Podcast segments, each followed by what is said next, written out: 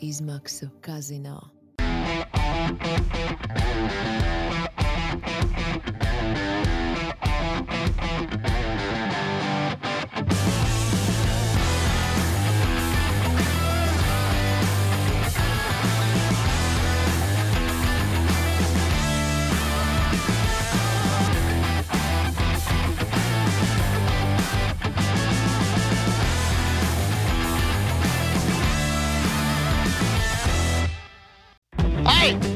Steering wheel! Somebody tell him to give it to me!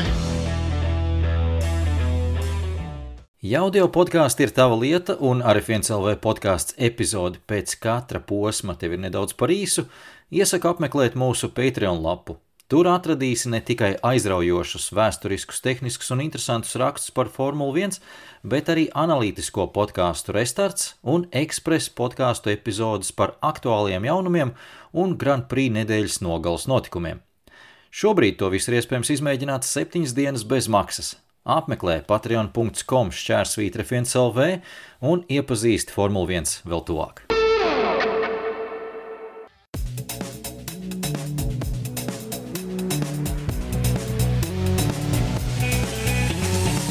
F1 LV podkāsts. Sveiciens eh, Formule 1 līdzjutējiem! Kārtējā pirmdiena. Arī pagājušā pirmdienā tikāmies un runājām par Monako lielās balss izcīņu. Šodien dienas kārtībā Spānija, Barcelonas trase, trasē, kurā visas komandas ir braukušas ļoti daudz, ļoti labi pazīst šo trasi, un visas komandas varēja pārbaudīt, uz ko tad īsti ir spējīgas viņu formulas. Uzvarētājs mums bija tieši tas pats, bet kas notika aizmugurē, kur notika tas interesantākais, par to vairāk mēs arī parunāsim šajā podkāstā. Sveiks, Jāni! Labdien, labdien visiem! Uh, Sveiciens īpaši visām dāmām, kuras uh, nenokavēja to vienīgo brīdi, faktiski visa raidījuma laikā, kad uh, Aldis ar savām skaistajām zilajām acīm skatās tieši kadrā iekšā. Tāpēc, jā, sveiciens visām dāmām, kas to noķēra. E, Es domāju, ka tu teiksi par to melno pauzi, kas bija pirms eh, sākuma. ka- Melnā pauze bija mākslinieckā pauze, tur viss ir kārtībā. Tur. Bet tu zini, ka mums ar, ar eh, mūsu režisoru Sandu bija tajā brīdī mērena panika. Mēs abi divi ķērām, ķērām pelīti. Un, un, Man kā cilvēkam, kas te tikai atnāk, parunā kaut ko un apsēžās, nebija nekādas panikas. labi. Uh, jā, tu izsit nedaudz no līdzsvara, neko. Tas ir labi, tas mans uzdevums. Ķersimies, ķersimies visam pēc kārtas. Klāt runāsim arī par Verstapenu pavisam nedaudz. Man bija jautājums patiesībā arī tiešais laikā. Viens no līdzstiem prasīja, vai Red Bull uh, sponsori nesāk mest lūpu par to, ka viņus nerāda tiešraidē. Jo Verstapens no visiem aizbraucis un interesanti nav. Bet nu, tieši to brīdi arī parādīja Verstapenu. Gan. Nu, man liekas, ka Peres kompensē. Viņš tur aizmugurē kaut ko vandās, un tad viņi ik pa laikam parāda. Viss ir kārtībā. Jā. Jā, es jau stāstīju, ka patiesībā tā ir ļoti nopietna lieta. Mēs varam apsmaidīt, pasmaidīt, bet uh, tā ir lieta, ko komandas dara. Uh, paņem priekšā divu stundu tiešraidi un sekundes skaita, cik ilgi redzams konkrētais brands, uh, sekundes un visu saliek kopā. Un, attiecīgi, tas ir piedāvājums, tas ir tas portfolio, ar ko viņi iet pie nākamā gada potenciāliem sponsoriem. Rāda, redzat, tik un tik sekundes jūs redzam, būsiet redzami tādai un tādai auditorijai. Tāpēc varbūt Peresam arī speciāli uh, liek kaut kā aizmugurē braukt, lai vismaz kaut cik kadrā tiek citādāk. Ja abi pa priekšu braukt, tad vispār nebūtu interesanti. Jā, da- Verstapens, ā, jāsaka, cīņā piedalījās līdz pirmajam ar pusi līkumam. Aptuveni sacīkstē, būsim godīgi. Mm, nē. Ne? Mm, Ieliek otrā ātrumā, un jau bija skaidrs. Ā, Cietākā sastāvā, nedaudz cietāka sastāvā riepas nekā blakus startējošam Karlsam Sainsam bija startā Maksam Verstapenam. un Kā viņš pats teica, nu, tā bija vienīgā nelielā raize, kas startā Sains varētu būt žiperīgāks, bet mēs zinājām, ka mēs esam ātrāk un pat, ja Sains mani apdzītu, nekādu problēmu pēc tam atgūt līderu pozīciju. Neliela pastīvēšanās pirmajā līkumā, bet pēc tam aizbrauca un īsti neviens viņu vairs neredzēja. Īsti neviens vairs viņu neņēma vērā arī pārējās komandas savā stratēģijā, plānošanā. Uh, Cik tas ir labi un slikti, mēs man liekas, to esam diezgan daudz jau runājuši. Kā tev no skatītāja viedokļa, cik, cik viegli sevi šobrīd ir mānīt, vai grūti sevi ir mānīt, ka tā formula joprojām ir interesanta? Nevajag, uh, nē, formula ir interesanta. Jebkurā gadījumā es vispār par to, ak, Dievs, nekad. Nē. Vienīgais, kurš sev nevajag mānīt, eh, es teiktu, ka jau turpmāko visu sezonu varam vienkārši slēgt ārā maksi un skatīties pa pārējiem visiem, kas notiek. Un viss, nu, tad nekas cits mums neatliek. Es saku, nu, pagaidām, nu, Nu, es neticu brīnumiem. Nu, lai arī, protams, tā ir Formula 1 un tā, bet, uh, nu, godīgi, varētu pat uzlikt kaut kādu naudu bišķiņu, lai nu, nogarantētu, ka Maks novinnēs visas atlikušās sacensības vispār. Tā kā, tā kā tas tāds, nu, tur, tur pārāk, pārāk viss ir uh, zolīdi tajā visā galā. Bet, uh, Kā jau mēs esam to runājuši, un nevienu reizi formula nebeidzas ar to, kurš uzvar. Ir ļoti daudz superīgas, interesantas lietas, kurām sekot līdzi. Un patiesībā šī sacīkste bija interesanta. Man, tu zini, kā baigi interesanti. Uh, otrā sacīkste pēc kārtas. Es nezinu, subjektīvi. Nu, Pirmkārt, labi. Mēs pilnīgi noteikti zinām, ka Monako, un to es nepieminēju pagājušā podkāstā, ka viņi bija pamainījuši kameru leņķus un vietas, kur no izvietotas kameras Monako trasē. Jā. Un patiesībā perfekti kolosāli tas viss bija. Tāpēc, ka pirmkārt varēja reliefu vairāk redzēt, otrām kārtām to ātrumu viņi kaut kā atdeva vairāk. Nu, malači, tiešām, nu, kolosāli. Tas bija forši. Un Barcelona, es nezinu, kāpēc. Nu, var jau būt, ka tas mans iekšējais kaut kāds okoks, bet bija tieši tas pats apmēram, ka, nu, tā, kad tu Barcelonas trasē tā filmēšana, visu, un tas kadrs, visu, ko tu redzi, un tas, kas tur notiek, ir tāds tīrs, saprotams, tāds, nu, tā klasiska arī, protams, trase kuru nav grūti nofilmēt, arī attiecīgi, varbūt, ja, bet tas viss bija kaut kā tā pareizi saprotami.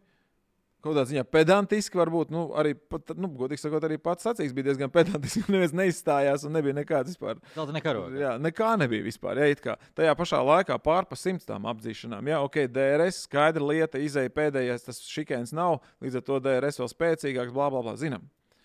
Bet bija interesanti, bija interesanti stratēģijas, stratēģiju, riepu stratēģiju vispār varianti bija nenormāli daudz, katram viņi bija savādāk. Kaut kādā brīdī tu nevarēji saprast, kas tur aizvilksies, līdz kurienai, vai Pēters noķers Raselu vai nenoķers. Nu, respektīvi, bija ļoti daudz pieskaras punktu. Tā kā es teiktu, ka tā nav neinteresanta sacīksta. Tā bija diezgan interesanta, forša skatāms sacīksta, un īstenībā visa sezona vēl būs ļoti interesanta, jo tagad tiešām ir vērts padomāt, nevis pagaidīt, kas notiks ar Mercedes. Nu, man prieks, ka tu tā saki. Es jau tā mēģināju uzprovocēt tevi uz tādu, tādu tekstu ar, ar, ar savu. savu ar savu it kā skepticismu, bet eh, jā, es arī piekrītu, ka patiesībā jau viss ir kārtībā. Protams, žēl, ka mums nav tās galvenās lielās intrigas, bet uh, es vēl nedaudz atbildot uz tavu, tavu uh, tekstu par uh, to, ka Monako mums savādāk izskatījās.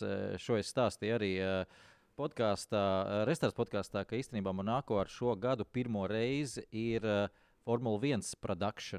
Līdz mm. šim, līdz pagājušam gadam, joprojām Jā. tur bija vietējie kas taisīja visu televīzijas. Šos, šo, šo producēja konkrēto posmu, un tas nozīmē, pirmkārt, viņam nav pieredzes, pilnīgi noteikti tādas un apjomīgas. Un skaidrs, ka viņiem ir akcenti citi. Atcerieties, ka arī trases reklāmas vēl līdz pagājušam gadam piederēja tiesības Monako. Šogad pirmo gadu vairs nepieder Monako. Jaunais līgums stājies spēkā ir pieder Formulai 1, līdz ar to Formula 1 liek savus reklāmas plakāts. Savukārt iepriekšējā eh, laikā bija ļoti svarīgi parādīt reklāmu. Līdz ar mm. to arī eh, kameru novietojums daļēji diktēja tur, kur izvietotas ir reklāmas, kādā leņķī, kā tālāk tā joprojām. Ne īpaši domājot par to, kā parādīt sacīksti labāk. Jā, un te jāsaka, cepurnos Stefans produkcijam, jo tiešām nofilmēts bija skaisti. Un viņi to turpina darīt. Barcelona arī bija skatām. Jā. Eh, Barcelona bija skatām, jā, apdzīšanas, eh, kā Jānis teica, daudz eh, apsteigšanas, apbraukšanas, sauciet kā gribat, bet es teiktu, ka labāk tā, nekā mēs braucam Barcelonā un netiekam garām. Jo bija laiks, kad apdzīšana bija ļoti grūta un ar pat gandrīz tuvu neiespējami arī Barcelonas pirmajā līkumā tā cīņa bija, ja tu pareizi aizsargājies, nu tad ar milzīgu jā. risku pārmalu, kas arī īsti pat nav iespējams. Tu varēji varbūt tik garām, bet, bet krietni mazāk. Protams, šis varbūt ir nedaudz otrs grāvis, tīri teorētiski bet es, eh, kā jau teicu, tā labāk šādi, jo tas paver iespēju ļoti dažādām stratēģijām. Savukārt, ja tev nav apdzīšanas pies, iespējas, arī tava stratēģija tiek diktēta no tā, ka tu nevarēsi apdzīt, un līdz ar to viss ir ļoti konservatīvs, ar domu saglabāt savu pozīciju, savu trases pozīciju. Šobrīd ne, netika domāts par to, lai saglabātu trases pozīciju, jo tu zināji, pat ja tu palaidīsi trīs pilotus garām, tu varēsi tikt viņiem garām, ja tev ir lielāks ātrums. Nu, tieši tā, un jāsaprot tiešām tiem, kas ir skatījušies ne pirmo gadu Formule 1 viens, to, ko arī Alza saka, ka Barcelona vienu brīdi tiešām bija, nu, ilgu brīdi bija diezgan garlaicīga trase, jo mēs gaidījām, ka Barcelonā nekas nenotiks, jo tiešām tur to apdzīšana faktiski gandrīz nenotika. Un, un te pēkšņi reku lūdzu. Jā, izmaiņas ir, un tas viss, nu, es saku tiem, kas seko līdzi un zina, tie sapratīs un novērtēs, ka šī tomēr bija daudz, daudz foršāka sacīksts, nekā mēs varējām gaidīt Barcelonā. Neskatoties uz to, ka pat lietas neuzlīd. Jā, lietas tā arī neatnāca. Uh, jā, es eh, teikšu tā, šī nebija klasiskā sacīksta, bet šī bija pietiekami laba sacīksta ar pietiekami labu izklaidi. Tas, ka kāds pagulēja, tā ir norma. Jāpaguļ ir Formule 1 Es sacīksta. nepagulēju, reku baigi jocīgi. Šoreiz nepagulēja. Nē, Bet, bet, eh, bet varēja pagulēt, varēja, Varēja. varēja uzsnaust kādu varēja. powernap, var uztaisīt, paspēt. Jā. Eh, Labi, iesim visam pēc kārtas. Eh, Vēl par eh, Maksu Verstapenu.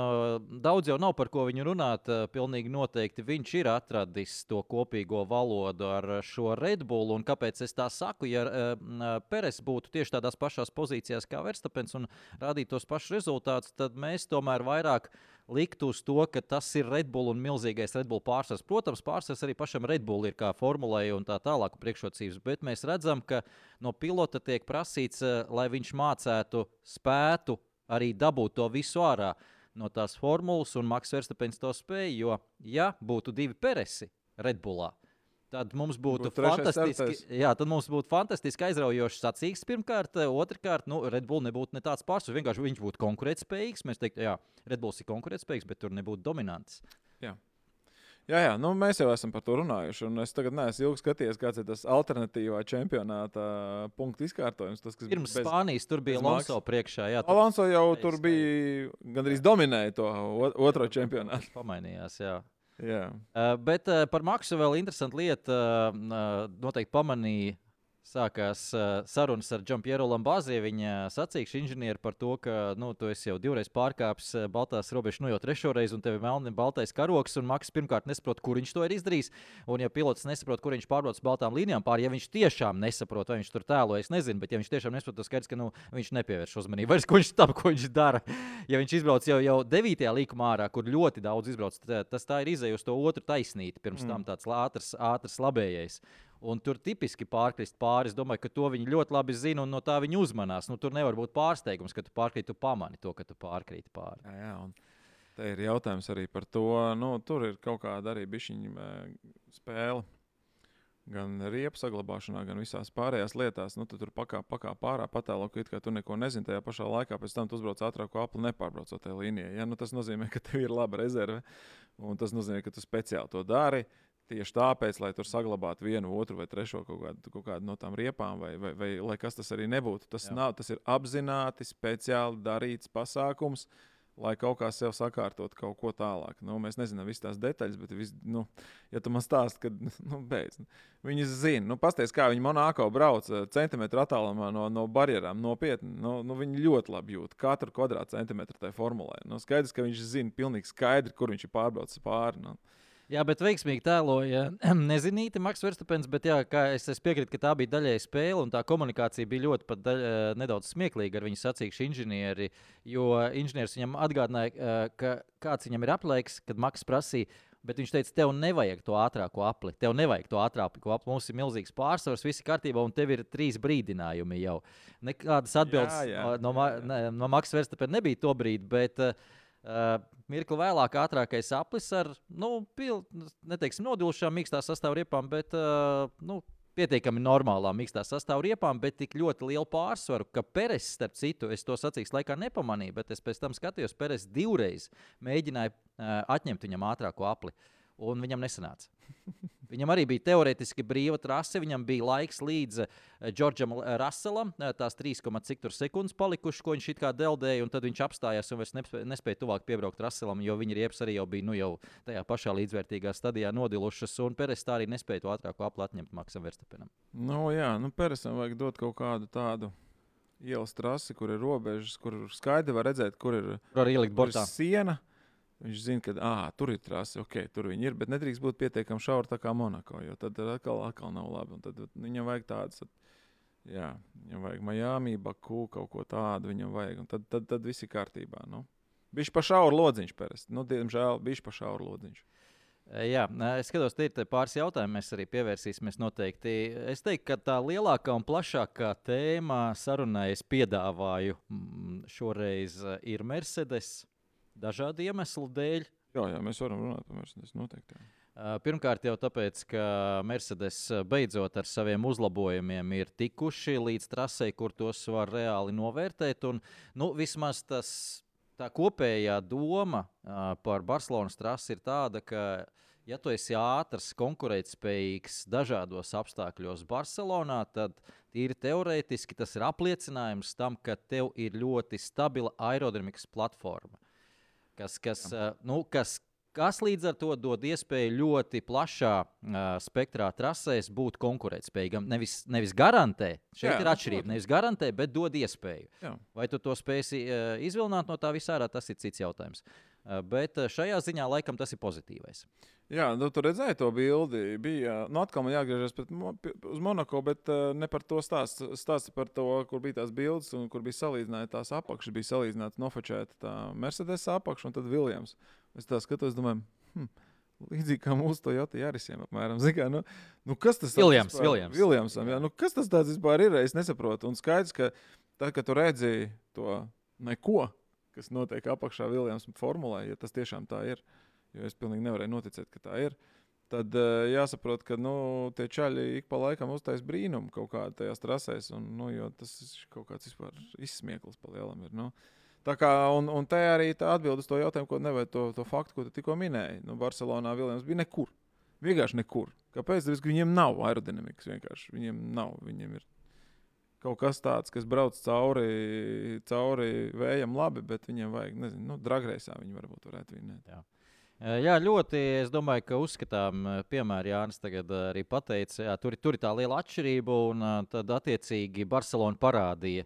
Kur ir šobrīd Mercedes, nu, salīdzinot ar Viljams? Protams, tas absolūti neko negarantē tālāk sezonas laikā, bet Viljams nu, var parādīt sev kaut kādās īpatnējās trasēs, vienā vai otrā virzienā. Uh, jā, par, par to grīdu es arī uh, komentēju, runāju. Un patiesībā atceries, Džeims Vols, uh, ienākot tajā komandā, uh, pašā sākumā teica, cik ļoti bēdīgi komandā ir ar digitalizāciju. Un tas, protams, ir nenormāli plašs jēdziens, un tur īsti nesaprot, ko viņš ar to domā. Bet tagad tu sāc lēnām saprast un nojaust, ko viņš iespējams ar to ir domājis. Tā sajūta, ka tādā 80. gada stilā, kā tur, tur bija, tā arī viņi turpinājuši. Jā, nu, tas kraks, kas, kas savulaik bija Viljams komandai, vēl starp citu, Frankam Viljamsam, esot pie stūres, eh, tas, tas diemžēl, ir ļoti, ļoti dziļi to rētu iecirts un ilgi vēl, vēl netiks uz sliedēm. Pat šobrīd, ja tur sāk darīt visu pareizi, to nav iespējams izdarīt divos, trīs, pat četros gados, eh, jo budžeta griezta ierobežojumu dēļ. Eh, Tas ir diezgan ilgs process. Pat ja tagad sāk darīt pareizi. To visu lietu. Bet uh, ne par, eh, ne par Viljamu šoreiz, tātad par Mercedes turpinot. Es gribu vispirms par kvalifikāciju runāt, un es nevēlu ielikt arī bildīti. Bet kvalifikācija bija ļoti interesanta. Jā, Man ļoti patika. Kolosāli. Es nevēlu ielikt arī bildītē to sadursmi starp abiem Mercedes uh, uh, pilotiem starta-finiša taisnē. Jo tā nu reiz ir tā lieta, ja nu gribās kaut kur nedaudz paslavēt kopumā Mercedes šajā nedēļas nogalē un vismaz kādu labu vārdu pateikt uh, un cerību, ka viņi mums iedos, tad nu, tā bija lieta, kur viņi ļoti sapinās meistarībā. Nu, par laimi vismaz paši atzina, un arī Džordžs Rasels atzinās un atvainojās. Bet nu, kopumā es teiktu, no Mercedes es kaut ko tādu nebiju gaidījis. Tik ļoti lielu paviršību uh, lidojošā apļa laikā, uzsākot, pareizāk sakot, pēdējā sektorā, ziņot par visiem pārējiem, bet nepaziņot, ka Lūsis Hamiltons ir tieši aizmirsts. Visus pārējos tika nosaukti, tātad visi, kas tojās Sainz, tā, tā skaitā aizbrauc pirms tam arī Verstapens, pēc tam nāk Sainz, arī palaid Sainz, bet nepateikt, ka tur pat aizmugurē ir uh, Lūsis Hamiltons, kurš arī ir gatavojis lidojošam aplim. Un tev tas džeks, es runāju tagad par sacīkšu inženieriem, tev tas džeks Muskoni ar uh, Pīteru Boningtonu sēž blakus. Bet abiem ir austiņas, un abi savā starpā tas nozīmē nekomunicēt. Jā, bet, uh, zini, kā es atkal skatos pozitīvi uz to visu lietu. Kāpēc? Pirmkārt, un galvenais, kas ir jāsaprot, ir skaidrs, ka Mercedes necīnās par čempionu titulu. Līdz ar to tā spriedze komandā tāda nav, un arī attiecības starp pilotiem, protams, nevar būt sačakarētas. Nu, vienkārši tāpēc, ka nevar. Uh, Tāpēc, ka Hamiltonam pietiekami bija zāda, un arī Rasels nav nekāds lecīgs dureciņš. Jā. Tāpēc uh, es teiktu, ka tas, nu, teiksim tā, citās komandās var būt pie šāda situācijas uh, risinājuma, pie šī viss, kas notika. Iespējams, ka būtu asāks kaut kāds sarunas. A te bija, pf, nu, kā dievs, ak, dievs. Nu, apmēram tāda tā sajūta. Zini Kā, nu, jā, mēs izrunāsim visu. Nā, necepieties, nu, viss būs normāli. Zini Kā, lieciet mums mierā. Un tas nu, parāda to nosvērtību un to, ka tā komanda tomēr nu, jā, strādā uz to. Lai atgrieztos tur, kur viņai ir jābūt. Un, un patiesībā tie abi divi piloti ir super adekvāti vismaz šobrīd. Viegli viņiem tādiem būt, necīnoties par, par, par uzvarām, protams, bet, nu, jebkurā gadījumā. Uh, jā, kas vēl ir interesanti, tad uh, Lūsis Hamiltons pats teica, ka tīri teorētiski, ja nebūtu izbojāts šis uh, aplis, viņš varētu pretendēt uz pirmo starta rindu Sainz vietā ar savu rezultātu. Nu, šoreiz mums jātic uz vārda. Viņam ir uh, Bet gala rezultātā, acīm redzot, uz sacīks tas neko īpaši nebūtu mainījis. Paņēma tāpat visu, ko viņi varēja paņemt. Jā, viņi noteikti paņēma visu, ko viņi varēja paņemt. Absolūts maksimums šajā ziņā. Lai nu kā, jā, nu šāda problēma vai šāda, šāds. Uh, Nu, reizēm gadās, nu pat labākajiem gadās. Nu, ko... Jā, nu tieši tā. Labāk šobrīd, es piekrītu, ka labāk Jā. šobrīd, jo šobrīd tas neko daudz nemaksāja, bet nu, skaidrs, ka tas tāds brīdinājums uz nākotni tomēr šādas situācijas uh, izskaust. Uh, vienīgais, es tev arī gribēju, es laiku tieši padomāju, ka šis ir pirmdien Jānim jāuzprasa, uh, vēl tad, kad tas sestdien notika. Uh, jo Tātad es tev ātri uz, uzzīmēšu to ainu, un tu man pasaki no Džordža Rasela pozīcijām, raugoties, kādai būtu bijis jābūt viņa reakcijai, vai, vai ko viņš redzēja, vai ko viņš neredzēja, vai, vai nu, kas ir jāsaprot pilotam. Respektīvi, pēdējais sektors uh, starp pirmspēdējo un pēdējo līkumu atceries, nu, tur ļoti īsts gabaliņš un ļoti liela ātruma. Tur ir tā, ka tur gandrīz ar pilnu gāzi, gandrīz ar pilnu gāzi, un kvalifikācijā tu pilnai gāzē brauc. Arī pirmspēdējais, starp citu, ne tikai pēdējais.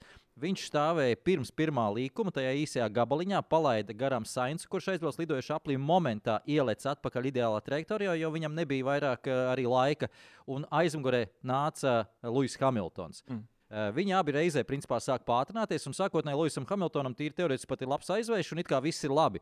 Eh, bet tā problēma ir tā, nevis pat problēma, bet mani mulsina tas, ka tur līdz starta finiša taisnei ir, eh, līdz starta finiša līnijai ir nu, vismaz sekundes, nu, desmit vai septiņas, astoņas. Vai tajā laikā tiešām uh, Rasels nepaskatījās ne reizes spoguļos un neredzēja, ka viņam aizmugurē ir Hamiltons? Tas tā varēja būt. Izskatījās, ka viņš grib noķert tur, kas viņam priekšā Ferrari. Sainz, Sainz pabeidza savu lidošanu. Jā, jā, un uh, izskatījās, ka viņš mēģina uh, maksimāli paņemt to aizvēju no Sainza. Un, un, un tajā brīdī, kad Sainz jau atmetās, viņš nāca atpakaļ ārā. Tā kā uz to savu trajektoriju paņemt līdz pēdējiem to Sainz uh, aizvēju. Un te ir tā lieta, ka pašā beigās, un es nepretendēju uz taisnību, es vienkārši manas domas. Uh, pašā beigās tā ātruma atšķirība ir baigta lielā. Līdz ar to viņam jābūt ļoti uzmanīgam, ir, kurā brīdī viņš lec ārā no tā aizvējais sainca. Un tur tu faktiski jau baigi sakoncentrējies tikai, lai tu paņemtu maksimumu. Izdevies zinot, ka tur bija nu, simtaļu atšķirības kaut kādas apli laikos, tu tuvajām formulām. Uh, lai paņemtu to, tu baigi sakoncentrējies uz to aizvēju, un lai, lai neietestu pēc tam arī tajā saincā, bet līdz pēdējiem paņemtu viņu. Un tev nav īsti, man liekas, laika. Nu, tur, nu, labi, tiem ceļiem laiks ir arī skatīties televizoru ekrānos, kā mēs pēc Alonso redzējām. Bet, nu, jebkurā gadījumā, ja tu esi sakoncentrējies uz kaut kādu lietu, un galvenais ir tas, ka Nu, kur komanda tad ir? Nu, bija jāpasaka, tad, kad, kad tas Hamiltons ir aizmugurē. Ja tur ir jebkurš cits, nu, tā ir viņa problēma. Kas, nu, es esmu viņam priekšā, nu, nav jā, lidojošos apļos, neviens jāapdzen. Nu, bāc, nu, kur tu lieni? Jā, Tāpēc, eh, tāpēc nu, te ir vairāk komunikācijas kļūda, un es domāju, ka ļoti iespējams, nu, ja tu man prasi, vai Rasels speciāli uzgriez virsū Hamiltonu, nu, man, protams, nē. Nu, skaidrs, ka nē. Nu. Jā, es vairāk par to, ka viņš pēc tam nu, tieši tā arī teica, ka viņš nezināja, ka Hamiltons tur atrodas. Tas man pārsteidz, ka viņš nav zinājis to. Jo, jā, nu, tas ir komandas fakaps, nu, pilnīgākais. Nu. Jo, jo reāli arī laiks pietiek, pilnīgi noteikti uh, arī komandai savā starpā tajā brīdī nokomunicēt un pateikt, ka Hamiltons tev tieši aizmugurē, nu, tiešām bakstē jau. Bet tas, kas notika tajā brīdī, kad bija tā nelielā sadursme, to es uh, pilnībā arī tev piekrītu. Jā, tur Sainz nedaudz savu lomu nospēlēja. Protams, viņš nebija vainīgs absolūti, bet nedaudz to uh, trajektoriju pamainīja uzreiz Rasels Rasels izlecot viņam no otras puses un piebrauc priekšā Hamiltonam. Nē, nu patīk Mercedesiem Barcelonā saskrieties. Nu, Jā, tieši tā, tieši tā. Tas tāds mājiņas uz 16. gadu. Nē, tas ir mājiņas pēc, pēc, pēc sacīkas intervijām, par kurām es gribētu parunāt. Nu, tad, jau, tad jau ķeramies klāt. Jo tas ir par Mercedes. Ja mēs jau runājam par Mercedes, mēs varam parunāt. Ah, man liekas, ka tās attiecības starp Hamiltonu un Rosbergu vēl joprojām. Ai, ai, ai, ai. Es, tu domā tieši pēc uzreiz? Iedomājieties, tas vēl Barcelonā. Nu, Jā. tas scenārijs vienkārši, nu, tur, nu, tie, kas sarunā, tos, kas intervē, nu, nezinu, vai viņi zināja, ka Hamiltons būs uz piedestāla, bet tas bija lieliski. Un, um, uh, 16. gads bija tik tālu, bet tas viss ir vēl joprojām, man liekas. Nu, man liekas, ka, man liekas, ka Hamiltons ir pilnīgi īsi nosacīti, gandrīz vai salīdzinot pret Rosberga lietām, ticis galā ar to, kas notika Verstapenā 21. gadā un tā tālāk. Tur viņš ir kaut kāds mierīgāks, bet tieši pret Rosbergu viņam joprojām ir kaut kāds. Es mēģināju savā galvā domāt, kas varētu būt tas triggers, kāpēc tieši pret Rosbergu viņam nu tā. Un uh, skaidrs, ka viņam nu, ilgākas tās attiecības bija. Un, tad, un, un tas, ka Rosbergs paņēma to čempionu, aizgāja prom un neļāva Hamiltonam atspēlēties. tā kā nu, pret sevi. Nu. Arī, Nu, tur, arī, tur viss kaut kas varētu būt? Un, Aizgāja kā uzvarētājs. Jā, aizgāja kaut kas apmēram. Eh, jā.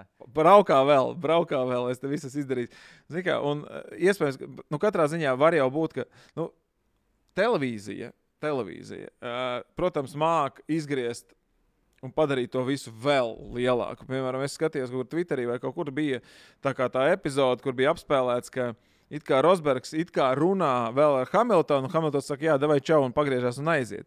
Bet patiesībā, ja noklausās līdz galam, tad Rosbergs to, ko teica, viņš jau teica mikrofonā, vai mēs varēsim tūlīt arī Džordžu Raselu dabūt. Jā. Bet, eh, ja nogriež pa vidu to tekstu, kā viņš runā, tad izskatās, ka, kā, ka Rosbergs runā ar Hamiltonu. Jā. Bet Hamiltons pasakā, labi, čau, pagriežās un aiziet. Nu, jā, to var Tā uzspēlēt. ir televīzija. Tas atkal jau, jā, nu, labi, tas pieder pie lietas. Tas ir šovu biznesa. Jebkurā gadījumā grozies, kā gribi. Cilvēkiem vajag kaut kāds asums.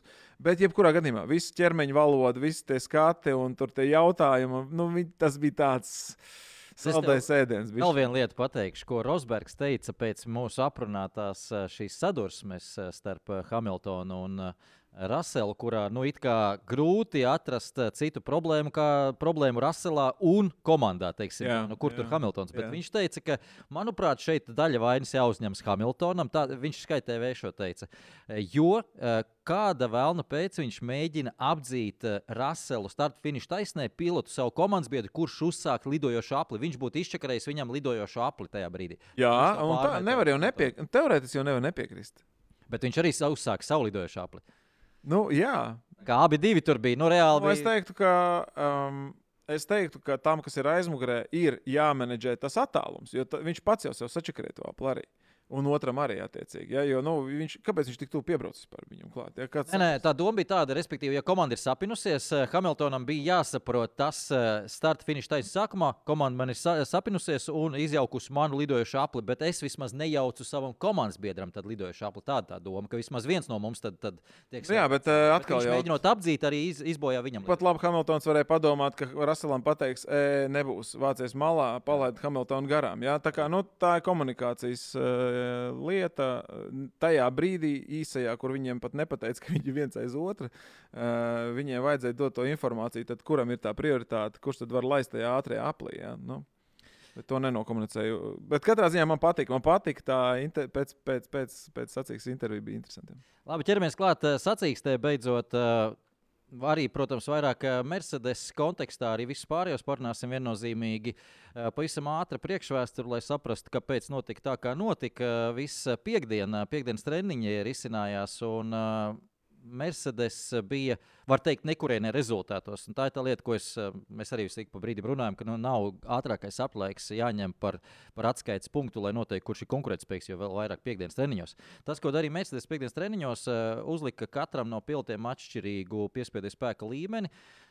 Vienam ļoti augstu, otram attiecīgi krietni zemāku, un testēja salīdzinājumu riepu darbībai vienā aplī, attiecīgi kvalifikācijas režīmam un sacīkšu režīmam. Un tas, ko viņi atklāja, ir tas, ka drīzāk, kas, kas nav loģiski, neliekās šāda ātruma līkuma uh, trasēs, ka labāks ātrums, lielāks ātrums vienā aplī tomēr būs ar zemāku piespiedu spēka līmeni ko arī viņi izmantoja, un viņi bija vienīgie izņemot vēl Red Bull. Red Bull arī tieši tāpat rīkojās. Uh, Attiecīgi viņi atstāja to uh, priekškvalifikācijas, savukārt augstāks piespiedu spēka līmenis ar lielāku antispānu aizmugurē. No šeit, ja mēs noliktu blakus tos antispānus, mēs varētu redzēt atšķirību. Ja mēs viņus vienkārši no tā redzam, Tā jau ne- mēs, mēs jā. ar, ar neapbruņotu aci par to nevaram noteikt, kuram ir augstāks, kuram ir zemāks tas piespiedu spēka līmenis. Uh, Bet uh, tā bija tā lieta, jā, kur bija tā milzīga atšķirība starp. Uh, kvalifikāciju un sacīksmi. Tāpēc mums bija, starp citu, arī tik ļoti liels svārstības ātrumos daudzām komandām, ieskaitot Lando Norrisu, kur tā McLaren Klās. Strādāja vienā aplī ļoti labi. Ideāli tie apstākļi bija piemēroti McLaren komandai. Lando Norris mācīja noturēt tajā temperatūras logā tā, tās riepas, uzsildīt vai, vai vispārējo atrast un, un izšaut to, to trešo vietu un to apli. Un ļoti pamatot. Tas nebija tā, ka viņam iekrita klēpī. Viss, viss bija ļoti pamatot. Bet pilnīgi nekādas iespējas nebija ar to formulu noturēt viņam sacīkstē, pat neskatoties, ja tur nebūtu bijusi sadursme. Pats Lando Norri- Norris teica vēl pirms sākuma, ka Verstapens visdrīzāk pa diviem apļiem apdzīs. Nu, jā, jā, nu skaidrs, tas, tas, tas jau bija skaidrs, ka tā arī notiks. Un arī Hulkenbergs tur darīja kaut kādas brīnums. Viņam, viņam sanāk tās sestdienas. Tiešām sanāk par, par, par nelaimi sestdienās punktus nedala. Nu, tad, kad nav sprints sacīksts. Bet, uh, nu, jā, jā nu, tā bija. Tas bēdīgais faktors ir tajā, ka tas, ko tu teici, ka, ja Barcelonā mašīna performē labi, tas nozīmē, ka tur tas Eiropas pakets viss ir baigi labais. Un, un kurš mums aizbrauc pa 30 sekundēm visiem priekšā? Nu, tāpēc arī To laikam nebija jāšaubās. Jā. Visu laiku, mēs domājam, ka Barcelona būs tas uh, galīgais pārbaudījums arī tam, tam reālajam Red Bull ātrumam, bet nu, mums pirms tam ir bijuši, nu, tātad šis bija teorētiski astotais posms, no viens no nenotika, pieņemsim sešas sacīkstus, un skaidrs, labi, tās it kā sešas sacīkstus nav tāds uh, universālais tests, lai mēs pilnīgi objektīvi to noteiktu, bet nu, kaut kādas pazīmes skaidrs, ka tur taču nāk uh, lielākas, mazākas, dažādās trasēs, un mēs visās trasēs esam pārbaudījuši, ka Red Bull ir ātrākie. Nu, skaidrs, ka nevar būt pārsteigums, ka viņi nebūs. Tā ir Barcelona arī ātrākie. un Tas Jo bija tā lieta, drīz jau pussezona būs pagājusi. Mēs joprojām ceram, ka varbūt tomēr nav tā, kā mums jā. izskatās. Jā, nu nevajag sev melot. nu. Izskatās tā, kā mums izskatās. nevajag sev melot. Jā. Eh, Jā, eh, par, eh, par šiem ātrumiem eh, vēl, vēl interesanta lieta šajā ziņā. Tu minēji eh, Niko Hulkenbergu. Es teiktu, ka šeit ir tāda interesanta tendence iezīmējās. Jau iepriekšējos posmos arī Hāzs ļoti izteikti sestdienā ir ātrāk nekā svētdienā, bet kura vēl komanda ir tipiski tāda bijusi? Tā ir Ferrari eh, visas sezonas garumā, eh, kas kvalifikācijā ir labāk nekā sacīkstē. Un, un šī ir tā lieta, no kurienes tad Hāzs formula ir radusies no Ferrari. Principā, tas ir, nu, negribās teikt, klons. Nu, tā ned- nedrīkst teikt, nav klons, protams, bet eh, nu, tur ir ļoti liels un pamatīgs DNS eh, Ferrari. Nav citādu variantu. Ja tu paņem tur 75% atļautos no formulas no Ferrari, nu tos pārējos 25% tu nevari uzbūvēt kā Mercedes. Nu, skaidrs, ka tu būvē arī ļoti, ļoti līdzīgi vispārējo, kas, kas tev jādara pašam. Un šī ir tā lieta, kas visdrīzāk ir ierakstīta tajā, tajā koncepcijā Ferrari, ka tu vairāk strādā uz to, tev arī riepas strādā, visa koncepcija strādā vairāk uz to vienu apli. Un šis tika jautāts Frederikam Vasuram. Vai tur nav tie lielie ierobežojumi jūsu koncepcijā, vai nevajag mest to koncepciju pie malas? Un tas bija pirms diviem posmiem, viņam to prasīja. Viņš teica, nē, mums jau ir liels potenciāls, mēs daudz vēl strādāsim. Un tur redzēja, ar kādu Sānu Pontonu viņi atbrauca uz Barcelonu. Tas ir tipisks pirmais solis Red Bull virzienā. jā, jā, un uh, nav vairs tas skaistums. Tas skaistums, Skaistums bija labs, jā, tas gan piekrīt. Jā. Skaistums pazudis, jā. bet nu neko darīt. Jā. Eh, Nu, tā problēma ir tāda, tāda nedaudz tālājošāka, atkāpjoties no- konkrēti no Spānijas. Tā tālājošāka lieta ir eh, tā problēma gan Mercedes, gan Ferrari. Ir tā, ka sezonas laikā viņiem nebūs iespēja tīri, es atkal negribu teikt, nokopēt Red Bull. Nav, nav, tas īstais vārds, bet aiziet tajā koncepcijā, jo to ierobežo. Iespējamās izmaiņas šasijā, to viņi nevar sezonas laikā izdarīt. Protams, arī finanses ierobežo budžetu griezt, proti, bet ar nākamo sezonu, es domāju, mēs redzēsim ļoti tuvāk Red Bull konceptam, gan Ferrari, uh, gan Mercedes. Un, uh, lai nebūtu jāpārmet no Mercedesam vai Ferrari, nu, rekā jūs beigās ejat, ejat pašā taciņā, kur Red Bull skatāties no viņiem, tad drīzāk, kā to teica, starp citu, neviens cits kā Adrians Ņūjs, ka šis ir tas variants, ka tik uh, ierobežoti vai ierobežojoši ir noteikumi tehniskie, ka šeit pat īsti divas iespējas vienlīdz labas nevar būt. Mm. Kad tu vari izdomāt trīs, un piecas un desmit iespējas, kā to mašīnu uzbūvēt, Jā. bet laba būs tikai viena. Tieši tāpat kā ar ground efektu, nu, ja vi- viena mašīna ir aizgājusi ground efektā un ma- izmanto to ļoti labi, tad visām pārējām arī tur jāiet. Tas nenozīmē, ka tā viena tagad to ir izdomājusi un pārējās to ir nokopējuši. Tas ir tas efekts, tas ir tas jaunais virziens, tā ir tā jaunā filozofija, un, tā Red Bull, un to Red Bull uztaustīja pirmie. Tā, kāpēc viņi uztaustīja pirmie? Nu, tur laikam mēs varam tikai noņemt cepuri viņu priekšā, un viņi ir malači beigi. Jā, jā, bija arī kaut kur. Um, klausījos, es neatceros, kurš to teica, kaut ko angliski. Ka, nu, cik tur ir tā alga pilotam? Ja? Nu, tā kā lielākajās top komandās, cik ir alga pilotam, un tad ir jautājums šajā gadījumā, cik lielai algai būtu jābūt Edrienam Ņūjam. Ja? Nu, jo pa lielam bez viņa. Tā kā Vai tu zini, cik lielā gadījumā viņam ir? es nezinu. Ne. Uh, nu, tur nav, nav oficiāli, nav, bet es uh, nu, tā pilnīgi neoficiāli pauzu galam esmu dzirdējis, ka viņam ir tu Hamiltona alga. Okay. Kā, Es domāju, ka tam ir ļoti labs iemesls. nē, tas ir pamatot. Es nesaku, ka tas ir pārsteidzoši. Tas ir pamatot. Viņš ir arī viens no tiem, kas ir ārpus budžeta grieztiem ar savu algu. Kurš te pajokoja par šo? Kurš ir demons? Kurš, kurš? Nē, Brandls.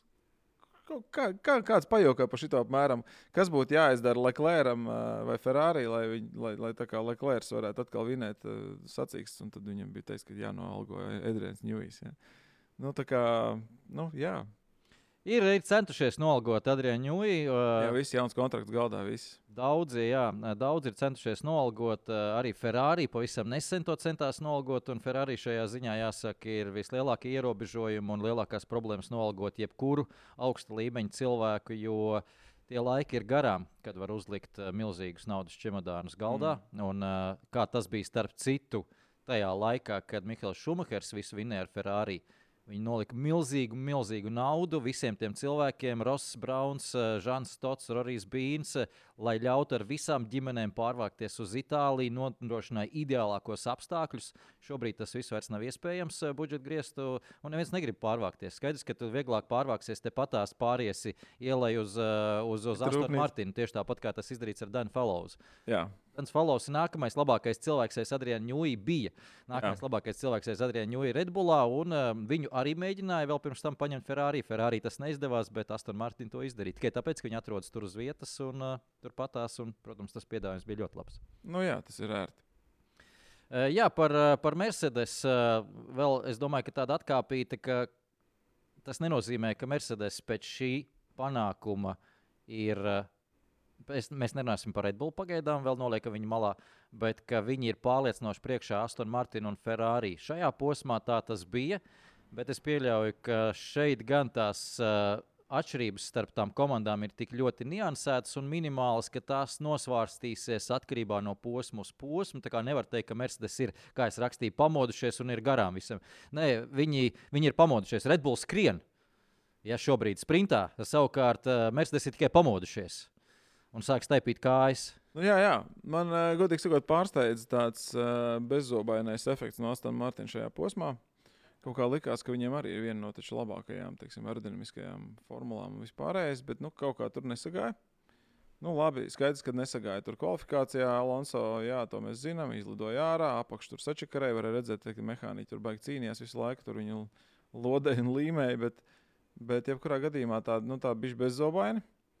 Bet uh, arī Alonso uzvedība lika domāt, ka viņš zināja, ka tur nekas vairāk arī nebūs. Jo citādi, kāpēc viņš teikt, ka, nu, labi, labi, lai tas trolls nebaidās, es viņu tur nenoķeršu. Bet, eh, ja mēs varam bišķi par Alonso, tad man, Jā. man ļoti patīk pēdējā, pēdējais līkums, pēdējā kadra, kur viņš eh, māja rokas. Māja skatītājiem tajā pašā brīdī, viņš vēl joprojām ķers trollus. Nu, kā, nu, respektīvi, nu, skaidrs, ka tas ir viņš it kā pieklājīgs, nē, es tur neapdzīšu, bla, bla, bla. Viņš izdara pilnīgi visu, lai visiem pasaulē parādītu, ka Džek, nu, es vienkārši braucu uz puspedāli. Uh, lai jau viņš brauc man pa priekšu. Ja? Nu, kā, nu, tas tāds, it kā viņš spēlē no sevis tādu labiņu, un ka viņš tur baigta tā, nē, bet nu, īstenībā ir skaidrs, ko viņš tur mēģināja parādīt. Ja? Jā, turklāt mēs zinām, ka Alonso ir. Es, ne, es pat negribu teikt, ka tā ir sliktā īpašība, bet ņemot vērā, kāds Nē, tas ir fantastiski. Kāds viņš ir ģēnijs, pat nelēma citu lietu. Ah, okay. Kāds viņš ir ģēnijs kopumā, mēs varam pievērt acis uz to, ka viņš grib sev bieži uzspodrināt spalvas, un mēs pie tā esam pieraduši. Un mēs redzam, ka tu esi izcils, un, bet viņš lieku reizi mums atgādina pats par to, ka viņš ir izcils, jo, jo tā komunikācija par to, ka, lai nestreso Lans, es viņu neapdzīšu, nav, nav riska, ne, nebūs būs lieka riska, neriskēsim. Nevajag man to otru, otru vietu. Jā. Bet, jā, ap citu, es piekrītu par to, ka Aston Martin nebija gluži tajā līmenī, kur mēs viņu pieradām redzēt, un visdrīzāk tomēr arī tas ir viens, viņi šobrīd paši kasa pakausi par šo situāciju, ka tas bija tāds viens nelaimes gadījums, teiksim tā. Jo pat ja nebūtu šīs problēmas kvalifikācijā, Alonso, un pat ja viņš būtu, kā viņš teica, tuvu pirmajai starta rindai, uz kuru tēmē gan, gan Hamiltons, gan Alonso, nu labi, pat ja viņš būtu otrajā starta rindā un priekšā Lansam Strolam, augstāk par to pozīciju, kur atradās Lans Strols finišā, viņš netika no ar to ātrumu, kas viņam bija sacīkstē. Tad viena pozīcija viņš iegūtu no tā uz savu komandas biedru rēķina, bet tas arī viss, jo nu, Mercedes sacīkšu dienā, lai piedod visu viņu uh, nu, nezinu, kā lai to pasakā, nīdēji, bet mēs ar heiteri, jā, Mercedes sacīkšu dienā zaudēja tikai vienam Red Bull. Jā. Un, uh, jā, bija labs tēmas. Jā, jā un uh, vairāk tagad arī par Peres runājot. Peres uh, arī es jau, jau vakar rakstīju, Peres uh, sacīks, uh, sacīkstē tā tad sāk sacīkst vienu pozīciju priekšā. Uh, Džordžam Rasselam uh, finišēja aiz Džordža Rassela. Uh, stratēģijas bija atšķirīgas. Man ir arī stratēģijas uh, pieejamas, ja nu mēs gribam uzmest acis tie, kas klausās podkāstu audio, tad šobrīd neredz skaisto bildīti. Ar uh, dzeltenajām, sarkanajām, baltajām svītriņām, attiecīgi par, uh, par uh, nogriežņiem sacīkstē un brīdī, kurā uh, tiek mainītas riepas, uh, tad Raselam un Peresam bija atšķirīga šī uh, arī boxa apmeklējuma stratēģija. Uh, Rasels nevienu brīdi neizmantoja cietā sastāvā riepas eh, šajā ziņā. Bet, eh, kā redzējām, tad Peresam sacīkstes pēdējā nogriezienī, tagad es pievēršu uzmanību, skatāmies 3. un 4. ailīte.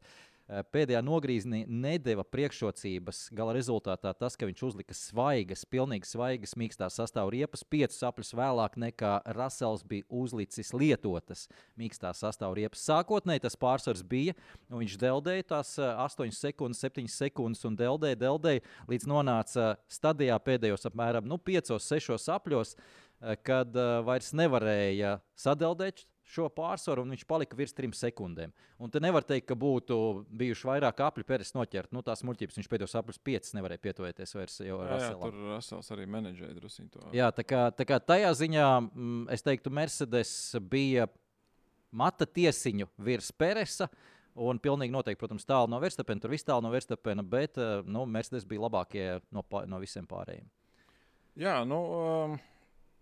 Verstapēns gan pajokoja, ka viņš teica, ka uz nākamo posmu viņi atvilkšot mašīnu bez sāntiem, pontoniem. Tad, lai, par domu tādu, ka lai viņi saprot, ka tur ne tajā visā ir stela, ka es pats vienkārši baigi ātrs čels esmu un tā. Bet, nu labi.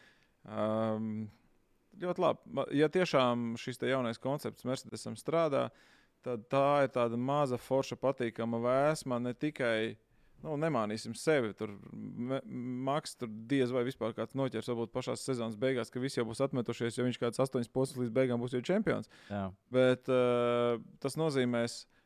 Nu, citu saldo ēdienu, un mēs to saldo ēdienu varam sagaidīt. Tas saldais ēdiens varētu izskatīties interesantās cīņās trasēs starp Hamiltonu un Alonso, piemēram. Un es teiktu, ka es ne, nekad neatsakos paskatīties, kā notiek tāda cīņa. Ja viņi tiešām ir diezgan tuvi pēc ātruma trasē, un viņi tiešām var savā starpā tur paēsties, ja? es teiktu, ka mēs visi to gribam. Uh, jā, Protams, pastāv iespēja, ka mums atlikušajā sezonas daļā nebūs citu uzvarētāju kā Red Bull, kā, kā Jānis bija gatavs darīt. Es, es gan būtu gatavs sadarīt, ka mums būs cits uzvarētājs. Ne pat ne kā Verstapens, bet arī kā Red Bull. Es būtu gatavs sadarīt. Jā, uh, nu sadarām. Nu, tā lai interesanti. Varbūt, nu, vai sadarām? Vai sadarām? Tu saki, ka Verstapens vai tā kā Red Bull uzvarēs atlikušo? Nu, es teiktu, ka Verstapens. Verstapens viss atlikušo. Nu, tā, lai pavisam man ir mazas iespējas vinnēt, bet, nu, Jā. lai būtu super radikāli. Lai, lai man būtu sarežģītāk, tad es saku, uzvarēs kāds ne Red Bull. Nevis ne pat Peres, bet ne, ne Red Bull vispār. Es tikai redzēju to grafiku arī, cik tur bija, uh, cik priekšā, nu, tā kā pirmā. Nu, trases nu, vadībā ir nobraukta apaļa. Tur bija pozīcija. 19 vai cik bija Redbullam, un tikai 15 vai cik bija pārējām komandām. Ja? Jā. Nu, jā. Uh, Jā, bet atcerieties to, ka jā, šī ir tā lieta, kas, kas varētu dot mums sezonas otrajā daļā kaut kādu intrigu sacīkstēs. Proti, fakts, ka Red Bull operē uz, uz nedaudz liesākām naudiņām šogad, un tas, ko viņi izdarījuši ar mazākām naudiņām, ir apbrīnojami. Protams, pat ne naudiņām ar visu pieejamo ainisko tuneli, ar minūtēm, stundām ainiskā tunelī, CFD simulācijās pieejamās. Viņam viss ir mazāks, salīdzinot ar astonu, krietni mazāks. Šobrīd gan pavisam drīz būs pārreķins visiem šim tātad ar 1. jūliju jā, gada vidū, tad ar 1. jūliju vispār rēķināsies, un Astuna arī uh, krietni nošņāps nost, jo viņi ir, nu, tagad ir trešajā, vairs nav otrajā pozīcijā, viņi trešajā nokrituši ir konstruktora kausā, tātad pēc šī aprēķins tiks uh, mainīts, bet Red Bull joprojām būs maz. Red Bull nekas nemainīsies, jo viņi pirmkārt pirmajā vietā konstruktora kausā, otrkārt joprojām līdz oktobrim. Oktobra kaut kādām beigām, nepilnam novembrim, uh, turpinās uh, šis ierobežojums. Tātad uh, mazāk, mazāk procentuāli iespēja strādāt, bet līdz ar to viņi Šobrīd es domāju, ka ir tajā pēdējā stadijā, kur viņi skatās uz pārējiem konkurentiem. Ko jūs darat? Vai jūs esat nopietni mums šogad eh, konkurenti vai nē, kāda jums noteikti attīstība, kurā brīdī mēs varam pilnībā pievērsties nākamā gada mašīnai? Es teiktu, ka tagad Mercedes, uh, Mercedes komandas rokās ir tas, vai nākamgad Red Bulls dominēs vai nē. Nu, Turpinās dominēt. Kāpēc? Tāpēc, ka ja tagad Mercedes ļoti strauji progresēs un sāks mīt uz papēžiem Redbullam, tad viņiem nebūs varbūt tā iespēja jau nu, tik daudz veltīt laiku un vispār jau nākamā gada formulas izstrādē. Ja viņiem tomēr gribēsies šo čempionātu noturēt, uh, skaidrs, ka teorētiski viņi var jau mierīgi jau pārslēgties. Bet, jebkurā gadījumā, ja tomēr Mercedes vai kāda cita komanda, bet nu, izskatās, ka viņi baidās vairāk no Mercedes nekā no citiem. Uh, uh, spēs viņiem mīt uz papēžiem un spēs viņus sākt tur kaut kā deldēt. Atkal jau jāatcerās to, ka mēs vēl neesam pusē sezonas. Līdz ar to vēl ir daudz darbiņu, ko darīt.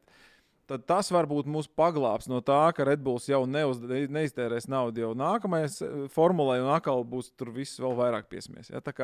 Ceram uz to, jā, uz tām mazajām lietām. Uh, jā, bet šeit tā, es pilnīgi piekrītu tam, ko tu saki, bet šeit ir ļoti uh, tā pašā laikā arī otrs, otrs koka gals. Proti no Mercedes puses raugoties. Jā, nu, Viņi saprot, ka šogad mēs viņiem neko visdrīzāk neizdarīsim vairs. Uh, vai un kurā brīdī mums ir jāsāk likt absolūti viss iekšā uz nākamo gadu. Vai tas nav jādara jau šobrīd, eh, respektīvi, lai vismaz nākamo gadu mēs nepalaižam. Jo viņi tieši to pašu eh, zina, ko tu nu pat pateici, kad eh, Red Bull arī gaida to mirkli, viņi liks nākamā gada formulā. Un līdz ar to es domāju, ka Red Bull arī uz to cer, ka Mercedes atmetīs ar roku šim gadam, nu, protams, turpinot loģisko attīstību, tā tālāk, tā joprojām, bet tomēr domās par nākamo gadu. Pieļauju, ka Mercedesam ir viena laba lieta. Mercedes var eksperimentēt jau šogad uz trases ar nākamā gada lietām. Savukārt, nu, Redballs teorētiski to nevar darīt, jo viņiem nevajag eksperimentēt. Viņiem viss tačka vaļīgi, viss tur ir kārtībā. Viņi, viņi brauc un savāc punktus un paņem čempionātu. Nu, bet, tas ir diskutējams, protams. Jā, nu šeit ir. Eh, es domāju, ka šeit tomēr nav tas tik vienkārši. Es domāju, ka tieši otrādi. Skaidrs, ka viņi nevar pamainīt tur ātrumkārbas, tur izvietojumu vai tur ko, bet redzi, mēs redzējām, ka viņi mā, var pamainīt, piemēram, priekšējo piekari, jā, mm. ģeometriju un vispārējās lietas. Tā kā, nu, tur... jo, jo Red Bull šobrīd ir nu, nemainījis fundamentālu konceptu kā tādu. Nu, nu, viņi neies ārā no tā. Respektīvi, viņi teorētiski uh, var testēt šogad jau trasē kaut ko, ko viņi darīs nākamgad, kas ir loģiskā tādā tālāk attīstībā. Savukārt Mercedes vienkārši fiziski šogad to vēl nevar izdarīt. Šobrīd trasē. Jo viņi nevar izmainīt šasiju. Kā viņi paši teica, aizmugurē balstiekārtu viņi vispār nevar izmainīt, jo nu, balstiekārtas uh, šie uh, punkti, kur viņi stiprinās pie, pie transmisijas sistēmas, pie pārnesuma kārbas, nevar būt mainīti, jo, jo uh, transmisijas sistēma ir homoloģēta un tur vispār neko nevar aiztikt. Un kamēr to nevarēja saistīt, viņi nevar pārbaudīt tos uzlabojumus. Tātad tos viņi sāks strādāt un reāli fiziski pārbaudīt varēs tikai jau nākamajā sezonā. Pirmajos testos patiesībā trasē tikai. Tas ir nākamgad martā. Tā kā, tur ir tā problēma neliela. Viņiem šobrīd tas viss ir virtuāli. Jā, virtuāli viņi var sākt kaut ko darīt un testēt, nu, kā tunelī, bet fiziski trasē nevar. Kamēr Red Bull var trasē jau domāt par nākamā gada testiem. Jo, jo vēl jau vairāk šobrīd, ka viņiem ir tāds pārsvars, viņi var piekdienu veltīt eksperimentiem. Jā, nu gan jau kokam divu galu. Jā, tieši tā. tā, tas, tā ir tā lieta, kas šobrīd ir nedaudz uh, bumbiņas, kas ir jāmenedžē gan vienai, gan otrai komandai. Šobrīd ir tā stadija, ka viens uz otru skatās un, un vēro. Un, un nevelti mēs šobrīd runājam par Mercedes un par Mercedes Red Bull un neminam īsti Ferrari tajā visā. Un, lai man piedod Ferrari līdzstājus, patiesībā man ļoti žēl Ferrari līdzstājus bez Jā. kādas sarkasma. Jā. Es būtu Ferrari līdzstājus, man arī vajadzētu droši vien kaut kādu psihologu palīdzību, jo tas ir traki. Tas ir tiešām traki. No mazām lietām līdz lielām lietām, līdz uh, fundamentālām, globālām politiskām lietām, visos līmeņos ir kaut kas tur sapūs. Nu, tas ir traki. Es, man, es nezinu. Man bija tāda cerība uz Frediju ka kaut kas tur. Fredijs nu nevar arī izdarīt Protams, kaut ko. Viņš nevar. Nu, skaidra lieta, bet nu, te ir. Nu, skarbi, skarbi. Jo tiešām galvenais tas, to skarbumu piemet tas, ka tas formulas ātrums pagājušā gada sezonas sākumā Ferrari bija kolosāls. Lai Klairs tur gāja vienkārši pāri visiem, tā kā tāds nezinu, mežonis. Ja? Un viņi to sačakarēja. Un, ah, nu, jā. nu, tas vien liecina par to, ka Formulā 1 nekad nedrīkst atlikt kaut ko uz pēc tam. Ja tev, ja tev tā formula ir izdevusies, viņa ir ātra un tu vinnēji gongs, nu tad spied uz šito sezonu, jo tu nekad nezini, kas notiks nākamā sezonā. Ja, un uh, nesačakarē to lietu, tā kā to izdarīja Ferrari. Un tas ir bēdīgi. Tas tiešām ir. Jo, nu, man ļoti gribētos, lai mēs tomēr savalkamies tur vismaz nu, tās četras komandas, lai ir tās priekšgalā. Labi, mēs, es skatījos, uh, Es skatījos uh, komandu kopvērtējumu. Ja? Mums ir komandu kopvērtējums, tur pirmie divi Red Bull, pēc tam ir uh, Alonso, tad ir divi Mercedes, tad ir Strauss, tad ir divi Ferrari un tad divas Alpīnas. Ja? Nu, skaidrs, ka tas nozīmē, ka vienkārši, ja nebūtu Alonso, tad nu, Aston Martins būtu tur kaut kur citur. Nezinu, kur viņš būtu. Tas nozīmē, ka Alonso tomēr dara kaut kādu pārcilvēcisko da daļiņu. Ja? Tas ir vienīgais no pārējiem pilotiem. Uh, bet skaidrs, ka tās ir tās piecas komandas. Šobrīd arī nu, tur, tur, tur nav, nav variantu. Jo Maklārens krīt ārā, pagaidām neviens cits nekāds tur, tur, tur neko nevar izdarīt pa lielam. Ja? Tur, tur, un es domāju, ka tas tā arī paliks līdz kaut kādam 26. kad tur kaut kāds Audi nāks iekšā, un tad redzēsim, kas tur vēl būs. Skaidrs, ka tās tās komandas. Un man patīk Alpīna. Alpīna, jā, viņi tur ņēgu, ņēgu turp šurp kaut kur, bet viņi var izšaut, un viņi īstenībā strādā sistemātiski, un tie apgrēdi viņiem strādā vispārējais. Kāpēc es to saku? Tāpēc, ka baigi gribās, lai kaut vai tās četras, nu, es nedomāju, ka Alpīna varētu tādā līmenī, bet, nu, lai viņas tomēr vienu otru var pabakstīt par to uzvaru, ja, tās komandas. Ja mums ir astoņi piloti, kuri var savā starpā cīnīties par uzvaru, tad tā ir uzreiz skatāms acīkst, ja. Un tur ir intriga, bet šobrīd, diemžēl, tas nenotiek. Pavisam īsi par uh, Ferrari. viens jautājums arī būs uh, no līdzstājiem. Es domāju, tev patiks ļoti jautājums. Uh, bet pirms tam nav tik daudz laika vairs, lai ļoti iztirzētu Sainz. Man gan bija sagatavots Sainz uh, sacīksts kopumā pa, pa, pa nogriežņiem, pa apļiem, jo patiesībā bija ļoti interesanti. Uh, bet kur ir tā problēma, kur nolasījās tā kopējā problēma, ka Ferrari nespēja saprast, kurš ir viņu konkurents šobrīd sacīkstē. Eh, patiesībā viņi varbūt saprot šobrīd, šajā laika nogriezienī, tuvākais. Jā, mums ir reku, kas aizmugurē, tas ir mūsu konkurents. Bet viņi nelasa laukumu uz priekšu. Tātad, un Sainz mēģināja lasīt to laukumu uz priekšu un brīdināt komandu, uz ko tad mums ir jākoncentrējas. Jā. Jo, ja viņi būtu patiesībā, tagad, kā jau teicu, es tagad uh, neskaitīšu te vispār papļiem, ko viņi mainīja un ko viņi darīja.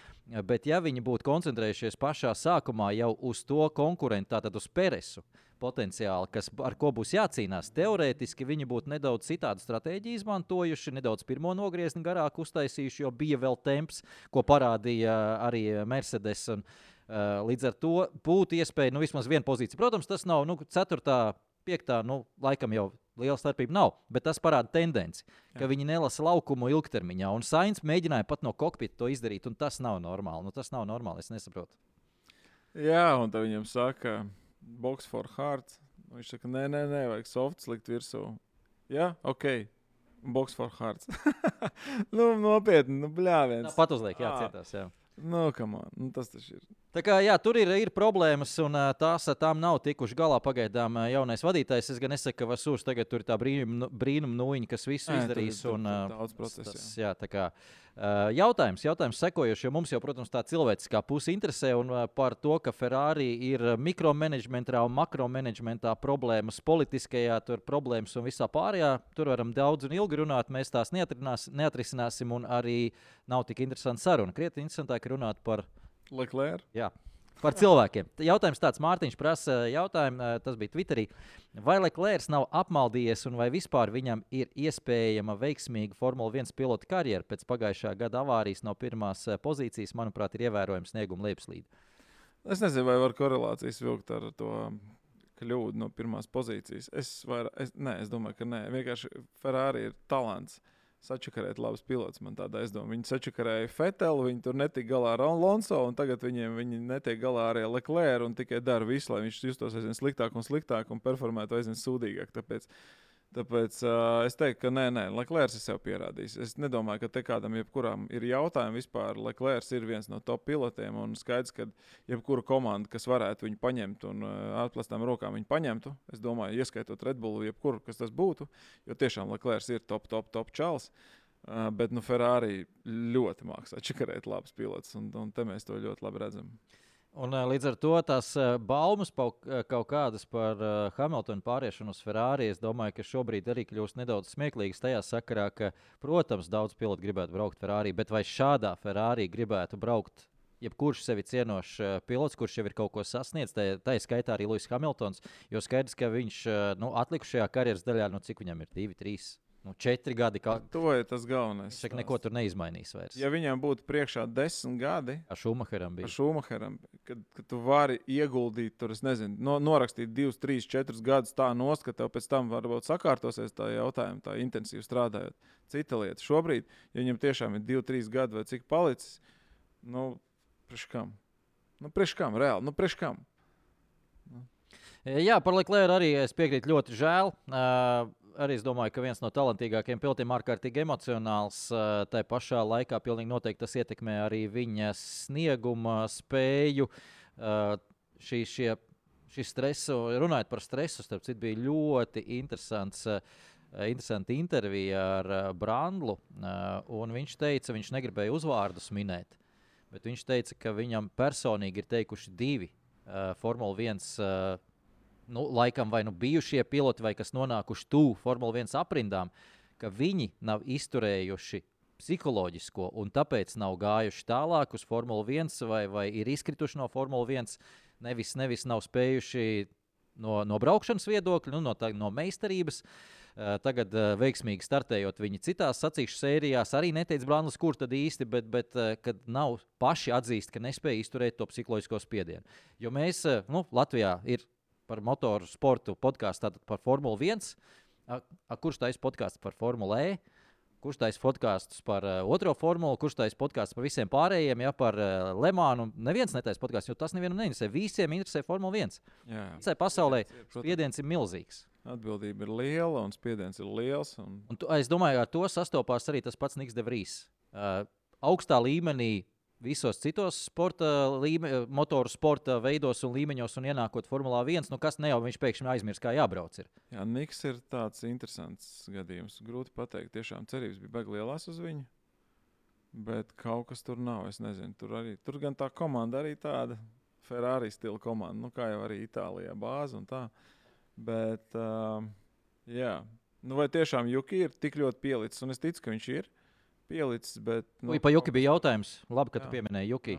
Uh, tā tad uh, es teiktu, ka Juki uh, ir baigais, baigais ninja.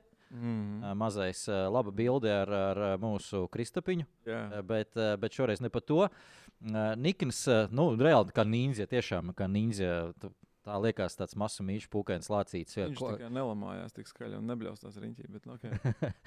Jā, bet uh, sacīkstē, uh, iebrauc punktos, nu, diemžēl uh, Alfa Taurī tādās pozīcijās, ka viņi vairāk neko nevar cerēt, kā uz labākajās nedēļas nogalēs ar, ar Vienu punktu. Jā. jā, ar vienu, diviem punktiem. Ja pilots izvelk visu no tās formulas, jo mums izstāšanās uh, ir ļoti maz un reti. Jā. Uh, to atkal paveica Jukits un Oda. Un ļoti žēl, ka zaudēja šobrīd, šoreiz uh, soda dēļ. Kā tavuprāt, ir uh, bija sodam jābūt cīņā ar Goniju Žūvu vai nebija sodam jābūt? Es ceru, ka tu atceries epizodi. Es labi atceros to epizodi. Jā. Um...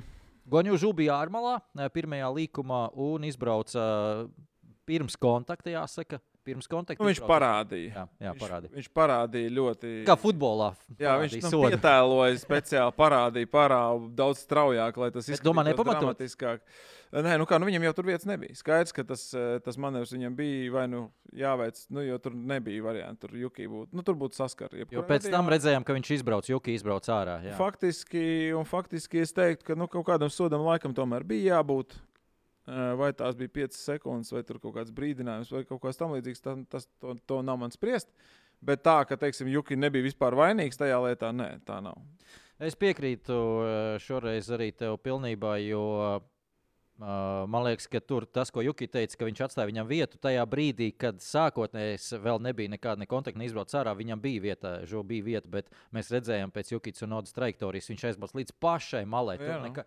Un es pieļauju, ka, jā, kā tu saki, parādīja Gonjužu, bet tajā pašā laikā viņš redzēja uz priekšu, kur tā trajektorija būs pēc, pēc mašīnas kustības. Ļoti profesionāli. Ļoti, ļoti profesionāli. profesionāli aizgāja projām no situācijas. Kā uh, uzslavas uh, ķīniešu pilotam, uh, tā pašā laikā par sodu šeit jāsaka, ka nav tiesnešiem īsti citu variantu. Tur pat, jā, jā, pat nav variantu, bet uh, tas, ka ja tu cīņā par vienu pozīciju uh, pieļauj kļūdu vai nu, šajā gadījumā uztais pārkāpumu, un tā rezultātā zaudēt divas pozīcijas, tas, manuprāt, jā, nav pareizi. Tajā ziņā vajadzētu iedot vēl kaut kādas tiesnešiem vairāk iespējas manevram. Respektīvi, šajā ziņā nevis 5 sekundes. Sekund. Nē, nē pat, pat ne sekundes. Viņš, viņš zaudē pozīciju. Vienu pozīciju, Gonjo Žū, Žū augstāk, tur nav zemāk, un viņš paliek pie tā viena punkta un vismaz okay. no, no, pozīcija nu, nedaudz manevram. Te, loģiski pēc konteksta nolasīt un saprast, kas, kas notika un kā būtu izvērtusies tā situācija. Jo tas sots bija par bargu, ņemot vērā, ka tas nav uh, Peres, kurš uh, gūs Jā, bet... nākamajā posmā 5, 15 punktus. Tas ir tomēr Cunodi, kurš to vienu punktu var nedabūt tagad.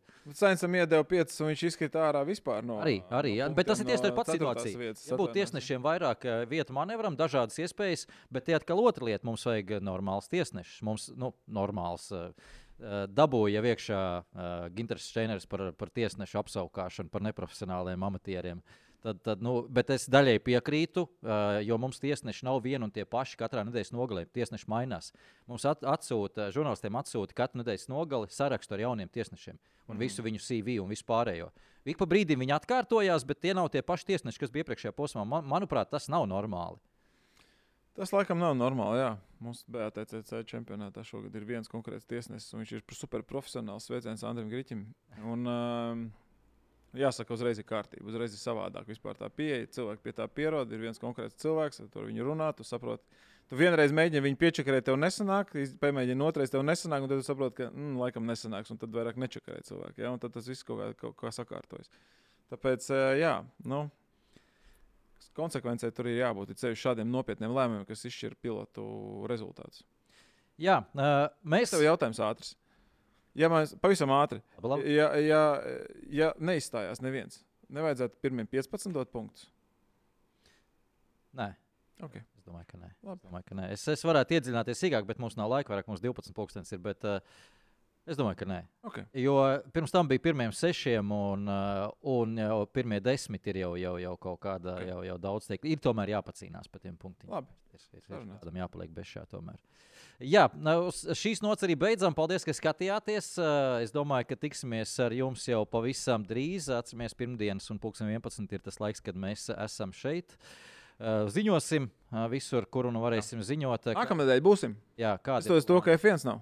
Jā, Jā, jāpasaka, šitais ir. Tieši tā, nu, es, es ceru, jā, mums, mums plāna tomēr vēl simtprocentīgi nav, bet, bet ziņosim, ziņosim par to, kāda Iespējams, nestoties to, ka posma nav. Iespējams, ka nākamā nedēļa mēs būsim. Labi, paldies. eh, Gaidām nākamo posmu un, protams, eh, tiekamies eh, biķerniekos uz Baltijas autošos. Jep. Tā. Čau.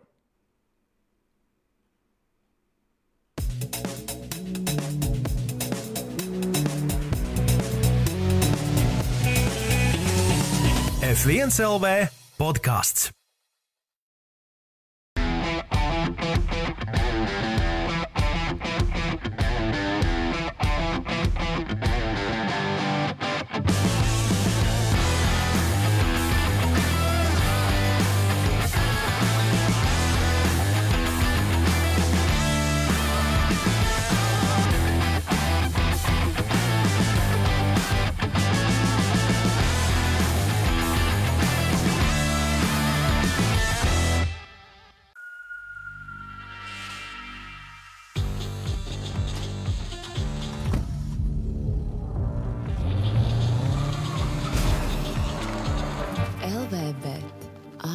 LVB ātrā izmaksu kazino.